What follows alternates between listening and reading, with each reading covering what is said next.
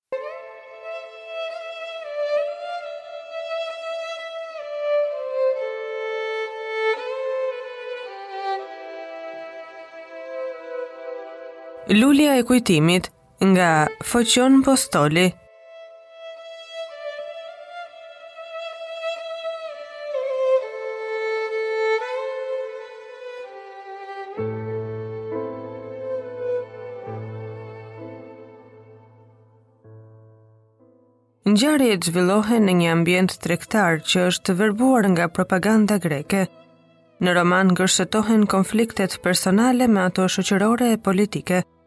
Subjekti i romanit është i thjeshtë, djali i ri Dhimitri që punon si kryeshërbëtor në dyqanin e Zotit Kristo dëshiron vajzën e tij të vetme, Olimbinë, e cila edhe ajo e do Dhimitrin me gjithë shpirt, ndonëse ai është i varfër. Zoti Kristo duke përparuar në tregti, sjell nga Greqia një sekretar, Nikon, për të drejtuar tregtinë e tij.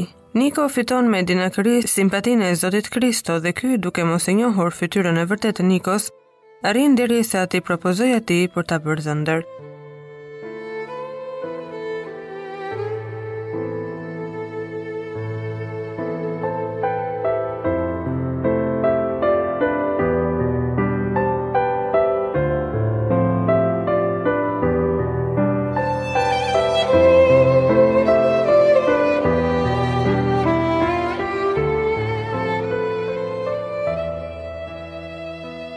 Mbyllni dyqanin, djem. Thirri Zoti Kristo, një nga më të mëdhenjtë tregtarë të Korçës dhe me bastun në dorë doli jashtë dyqanit të tij. Qepenat zunë të kërcisnin, por jo vetëm të dyqanit të Zotit Kristo, por në të tërë tregun, se kishte ardhur koha dhe pas zakonit posa të erret dita, mbyllen dyqanet e tregtarëve, vetëm këtu atje, njeriu shikon ndonjë rrobaqepës ose këpucëbërës, Të nxitohet të mbarojë punën më shpejt dhe bakajt të ndezin fenerat.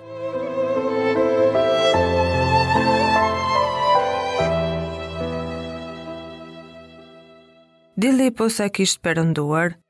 Mbi Korçë kishte rënë këmisha e hollë e ndajnatës, ndonëse majat e maleve kurorëzoheshin edhe prej rrezeve të kuqe të yllit të ditës. Ishte një ditë e bukur e majit, muajit më të ëmbël të motit. Tregtarët, punëtorët, si dhe shërbëtorët, togje togje po shkonin për në shtëpitë e tyre, ku të dashurit i prisnin me padurim. Një djelosh i bukur, i ëmbël nga fytyra, si edhe nga zemra, po çante rrugët e Korçës dhe salutonte andej-këndej njerëzit me buzëqeshje. Këmbët e tij dukeshin sikur fluturonin dhe nuk zinin dhe. Një shpresë kishte pushtuar zemrën e tij dhe nxitonte me vrap. Ishte Dhimitri, kryeshërbëtor në dyqanin e Zotit Kristo, dhe pas zakonit, si më i besuari, e kish detyrë të mbyllte derën e dyqanit të shpinte kyçet në shtëpinë e Zotit Kristo dhe të vinte në mëngjes prapë i pari që të hapte dyqanin. Kur po afrohej në shtëpi të Zotit Kristo, zemra po i rrihte me rreptësi. Ndiente një gëzim të pashfaqur, një kënaqësi të veçantë, një shenjë të fshehtë. Hapi portën e shtëpisë të Zotit Kristo dhe me zë të ëmbël thirri: "Mirëmbrëma Olimbi. Mirëmbrëma Dhimitër." U përgjigj një vajzë me zë të kthjellët, Bukuria e së cilës ishte si ndonjë pikturë e një artisti të dëgjuar. Leshrat e saj shtriheshin mbi supet pllazë dhe pllazë dhe shkëlqenin si fije ari. Në duart mbante një teneqe me ujë që përdorte për të vaditur lulet. Nuk më le të të ndih se më duket do jesh mjaft e lodhur, tha djali pa pritur ndonjë përgjigje, e ia mori teneqen nga duart. Sa i mirë je, Dimitri, tha vajza duke qeshur. Aspak nuk jam lodhur, ndonëse kam punuar mjaft. Nga gëzimi që ndjej duke parë lulet të hapin gonxhet dhe duke thithur erërat e ëmbla që lëshojnë. Dheu, besoj, Dhimitër, nuk do të kish asnjë bukuri pa lulet. Po, me të vërtetë, u përgjigj Dimitri, Me tërë kujdesjen tuaj për të, duhet të jenë të bukura, po eja të mbarojmë së vadituri pa ngrysur. Kështu, duke mbajtur teneqenë në duar, po vadite ato lule që Olimpia i tregonte se kishin nevojë më tepër për ujë.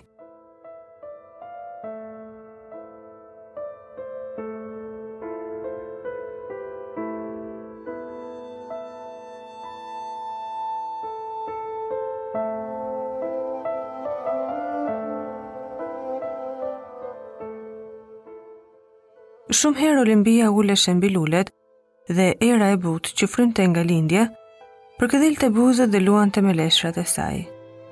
Oh, e lumtur erë, thoshte me vete duke psherëtitur djali, sikur edhe unë të isha si ty, të paktën të afronja buzët e mia, pa ndihur mbi leshrat e saj, do të isha më i lumturi në botë.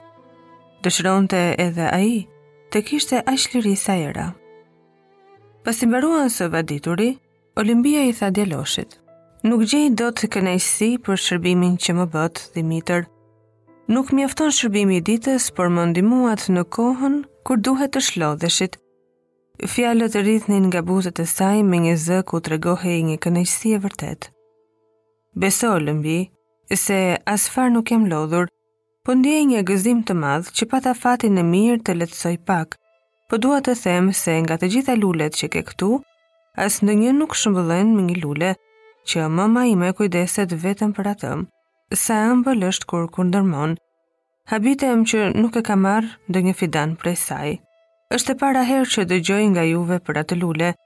E dini fort mirë që s'kam lënë shtëpi në Korçë pa lypur ndonjë fidan, ose farë me anën e atit tim për çdo lloj lule që ndodhet në qytetin tonë. Me këtë do të thuash se vetëm mëma ime e ka atë lule? Si duket, ju jap fjalën se do ta pyes sonte për atë lule. Por, Dhimitër, harrova t'ju pyes si shkoni me shkronjësin e ri? Në këtë pyetje, Dhimitri u përgjigj me ftohtësi. Mirë. E qeshura shkoi nga buzët e tij dhe një të çarë tjetër ra mbi fytyrën e tij po si një re e zezë që del, kur dielli është i paqmë dhe i shkëlqyer dhe nxin botën. Një rënkim doli nga zemra e tij dhe vajza e qortoi veten se përse e bëri këtë pyetje. E si të them Olimbi, Zoti Kristo ndonëse është yt atë, Na hidhëron zemrat duke i dhënë tërë besimet shkronjësit të tij, i cili kush e di mund të jetë ndonjë nga kusarët e Greqisë që tani e solli këtu të marrë këtë punë. Ku ndodhen kaq djem korçarë të zotë ta mbarojnë punën e Nikos, mos më mirë. Nuk mjafton kjo, por më i madhi gabim që bën ati juaj, është se na shtrëngon të fjalosemi greqisht, se ajo është gjuha e nevojshme na thotë. E por unë nuk arrij dot të bindem për këtë, kurrë nuk do të mohoj gjuhën tonë të ëmbël. Beso se nga një herë, kaq mallëngjehem, sa lotët rrjedhin nga sytë e mi dhe matem të lë punën e të shkoj larg, larg Shqipërisë, në një vënd të huaj, po vetëm mejtohem për mëmën time të dashur dhe Fjalën e fundit, ai arriti ta gëlltitë në gurmazin e tij para se t'i dalë nga buza. Fytyra iu skuq si lulkuqja se ishte në dyshim, në e tha apo arriti ta mbante fjalën e fundit. Dhe kështu vrapoi që të shkojë duke i falur natën e mirë Olimbisë.